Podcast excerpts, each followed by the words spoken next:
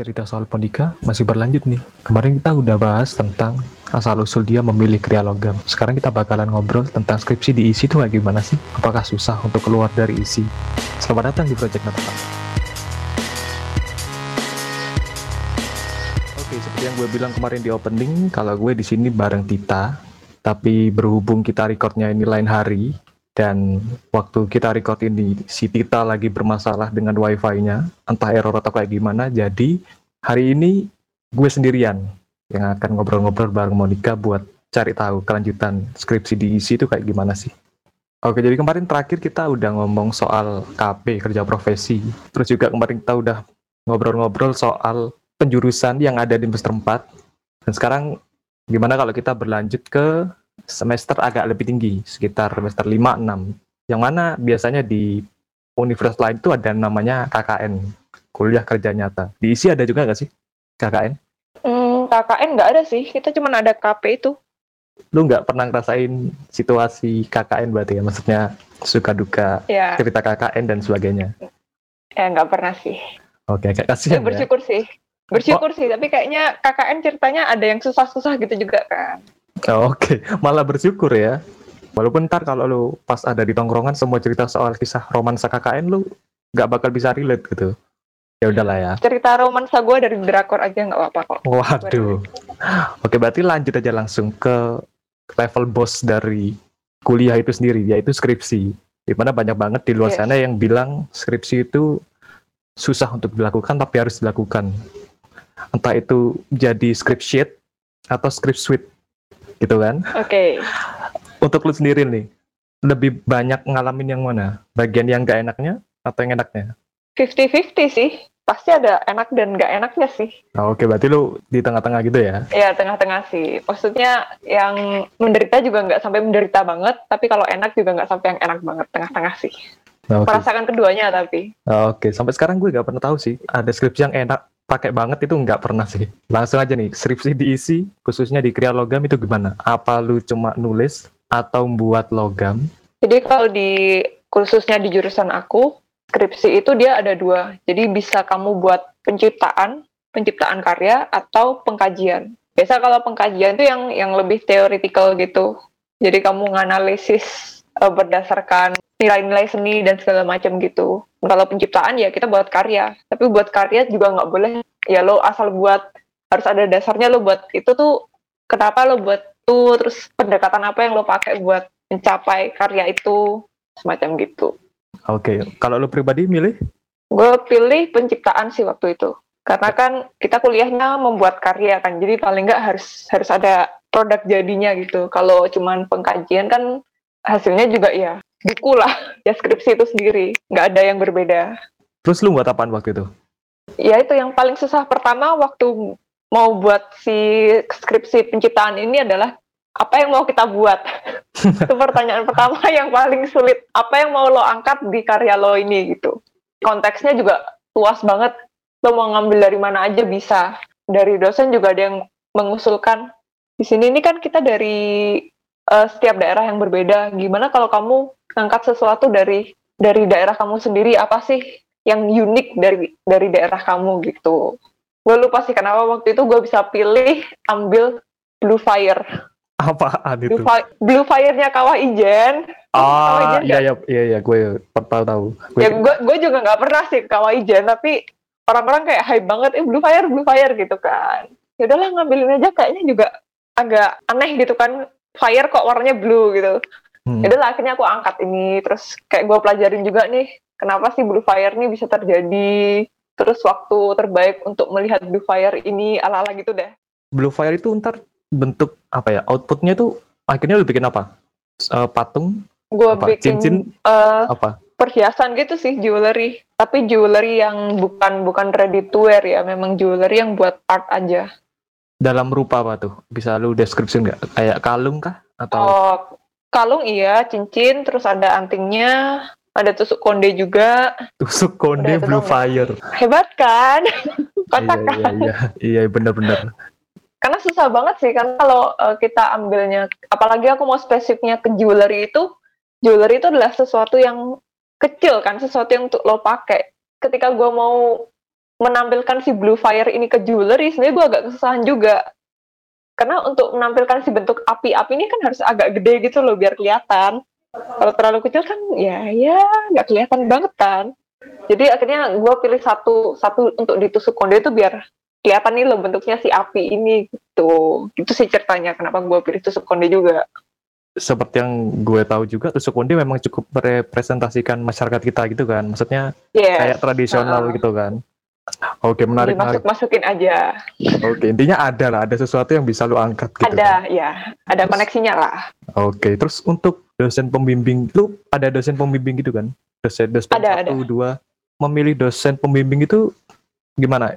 Ditentukan oleh pihak kampus itu sendiri atau lu bisa milih gitu? Maksudnya ya nggak secara langsung milih gitu tapi minimal bisa kayak gue mau dosen ini nih jadi gue harus kayak gini gini gini. Bisa kok kita pilih waktu itu jadi eh, kayak tiap dosen tuh ada kuotanya kan. Jadi dari Hmm. mahasiswa tuh kita pilih-pilih gue mau dosen A dosen B gitu kan. Tapi tetap aja nanti kan pasti ada sal- salah satu dosen yang tidak populer. Dari sekian banyak mahasiswa yang memilih pasti banyak juga yang milih dia ada dosen yang populer. Dari dosen yang populer itu akhirnya sebagian dia kasih ke dosen yang tidak populer. Jadi tetap aja sama rata. Biar semua dapat dosennya gitu sih Oh, oke biar nggak semua ke dosen yang populer ini ya jadi kan Iya, kan Banyak kasihan kak. oh, bener banget sih Tapi untungnya waktu itu dosen yang gue pilih tuh gue dapat semuanya ini. Jadi gue nggak nggak kena dosen yang tidak populer itu. Untungnya gue dapat dosen yang gue pilih.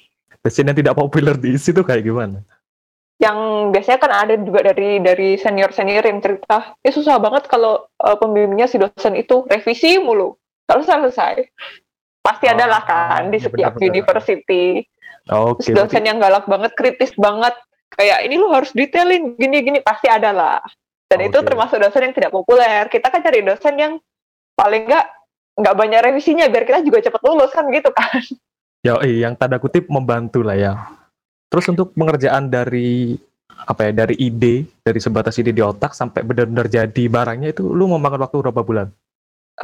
Sebenarnya itu udah mulai dari semester berapa ya? Gue lupa sih semester berapa. Jadi semester sebelumnya itu udah mulai. Semester 8 kan skripsi. Kayaknya itu dari semester 6 apa ya? Jadi itu ada mata kuliah kayak dia metode metode penelitian gitu deh. Gue lupa apa namanya. Jadi si mata kuliah ini kita ya itu kayak belajar nulis skripsi. Intinya kayak dilatih dulu, di training dulu di semester itu gimana sih caranya nulis skripsi dari bab 1, bab 2, dan lain-lain. Dan kebetulan waktu itu eh, topik gue tuh nggak ganti. Jadi waktu gue di semester 5 atau 6 itu, gue udah pilih topik si Blue Fire ini. Akhirnya di skripsi pun gue nggak ngulang lagi, gue nggak cari topik lain kan.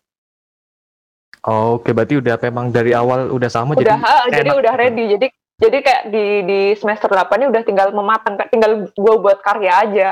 Dasarnya udah ada kayak latar belakang masalah, terus rumusan masalahnya itu segala macam udah ada. Itu enaknya gue di situ karena gue tinggal mematangkan aja topik yang udah gue pilih sebelumnya. Jadi gue nggak harus ngulang lagi dari awal.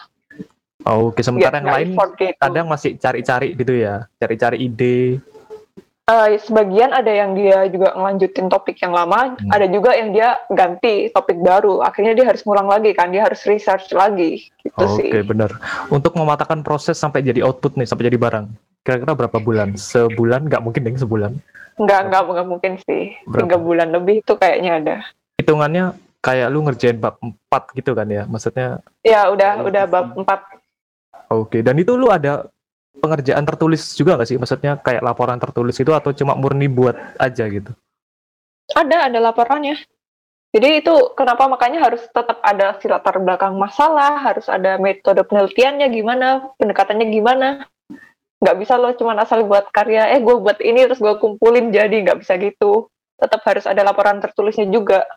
Oh gitu. Terus bedanya sama eh, satunya apa? Yang apa sih yang tadi lu bilang awal? Iya benar. Pengajian itu eh, bisa lu gambarin ke gue nggak? Bedanya sama penciptaan ini apa? Pengkajian itu dia nggak buat karya, jadi dia lebih nganalisis. Eh, misalkan ada sebuah karyanya siapa gitu kan, terus dia nganalisis eh, motif yang dipakai si seniman ini tuh motif apa, terus pendekatan yang dia pakai tuh pendekatan yang seperti apa. Dia lebih menganalisis karya orang lain. Kalau dari yang penciptaan kita kan benar-benar buat pure buat produk lagi, buat eh, karya lagi kan. pengkajian itu berarti dia tujuannya apa? Untuk mengenalkan motif itu ke orang lain kah? Salah satunya itu juga terus uh, lebih apa ya lebih meneliti lebih dalam gitu. Sama menariknya sih menurut gue. Tapi kalau gue jadi lu nih ya, gue yes. bakalan milih yang si pengkajian ini deh kayaknya karena well meneliti sesuatu yang sudah ada itu kan bakal lebih mudah kan karena objeknya Yeah. juga sudah ada. Ketika Hmm. lu buat baru itu bakalan dia butuh effort lebih banyak kan. sebenarnya dari dari teman-teman gue juga bilangnya lebih enak pengkajian jadi kita nggak nggak kerja dua kali. Kalau lo penciptaan lo masih buat karya lo masih buat ngetik tulisannya laporannya ya kan? Waktu itu sih mungkin karena udah karena gue udah start dari semester lima lah hitungannya. Jadi bab satu bab dua gue udah tinggal matengin doang.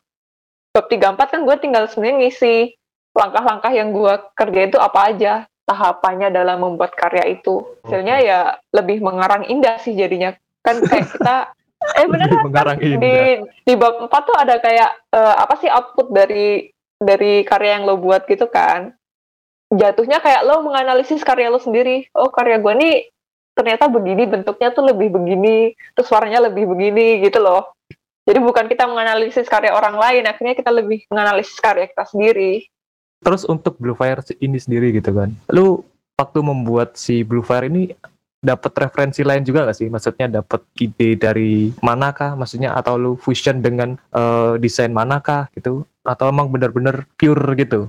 kalau kita bicara di art itu pasti nggak ada sebenarnya nggak ada ide yang pure kalau kita bicara art pasti ada pengaruh pengaruh dari luar yang mempengaruhi karya kita jadi skripsi itu sendiri pun juga dicantumkan biasanya referensi desain atau referensi dari seniman yang lain nggak bisa benar-benar pure gitu susah sih Oke. jadi ya Hmm. lebih ke banyak research gitu sih kalau yang jewelry dia terinspirasi dari api tuh bentuknya yang kayak gimana sih gitu gitu deh Lu pasti pernah kan di satu titik ngalami kayak bosen gitu atau males gitu. pernah lah Terus cara mengatasi buat eh, lu menghilangkan kegabutan itu gimana? Kok kegabutan? Menghilangkan kebosanan itu gimana?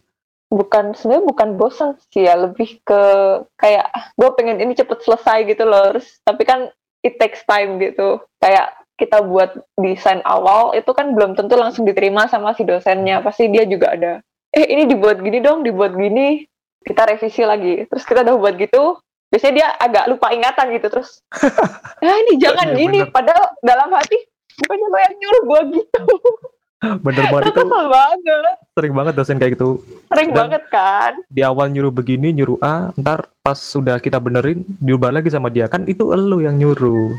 Kesel banget kan kalau kayak ya itu itu sebenarnya yang, yang buat gue kesel sih bukan gue bosen kayak lebih apa ya lebih ke greget gitu loh. "Ah, apa sih lo yang lo mau ini? Gue udah buat sesuai yang lo mau lo malah bikin yang lain lagi gitu kan. Si dosen ini juga feedbacknya agak nggak jelas. Kayak dia bilang ini oke ini oke. Tapi kayak oke tuh maksudnya kayak belum approve gitu loh belum officially approve sampai akhirnya gue harus eh, ngejar dia Pak, jadi sebenarnya yang udah approve yang mana yang bisa saya buat yang mana? Karena saya juga ngejar waktu proses pembuatan juga nggak cepet kan. Dosen butuh didesek gitu ya Iya harus harus dikejar terus. Terus juga ada kayak jadwal konsul gitu kan. Kita harus konsul berapa kali. Ya udah gue setiap minggu aja cariin dia, Pak saya mau konsul, saya mau konsul. agak dengan sedikit ada memelas gitu ya Pak tolonglah Pak saya cepat Pak lulus tolonglah Pak, oke saya nggak mau lama-lama di sini gitu. Emang Oke. harus apa ya? Kita sebagai mahasiswa harus agresif kalau waktu skripsi itu. Kita nggak bisa membiarkan dosen tunggu si dosennya baca eh, apa laporan kita, proposal kita, terus nanti tunggu dipanggil. Lama deh kayaknya harus dikejar. Bu proposal saya gimana? Harus ditanya tembak langsung gitu. Itu sih salah satu tips kalau mau cepet lulus kita nggak bisa pasif kita harus agresif. Agresif kita ya? harus kejar-kejar dosen kita.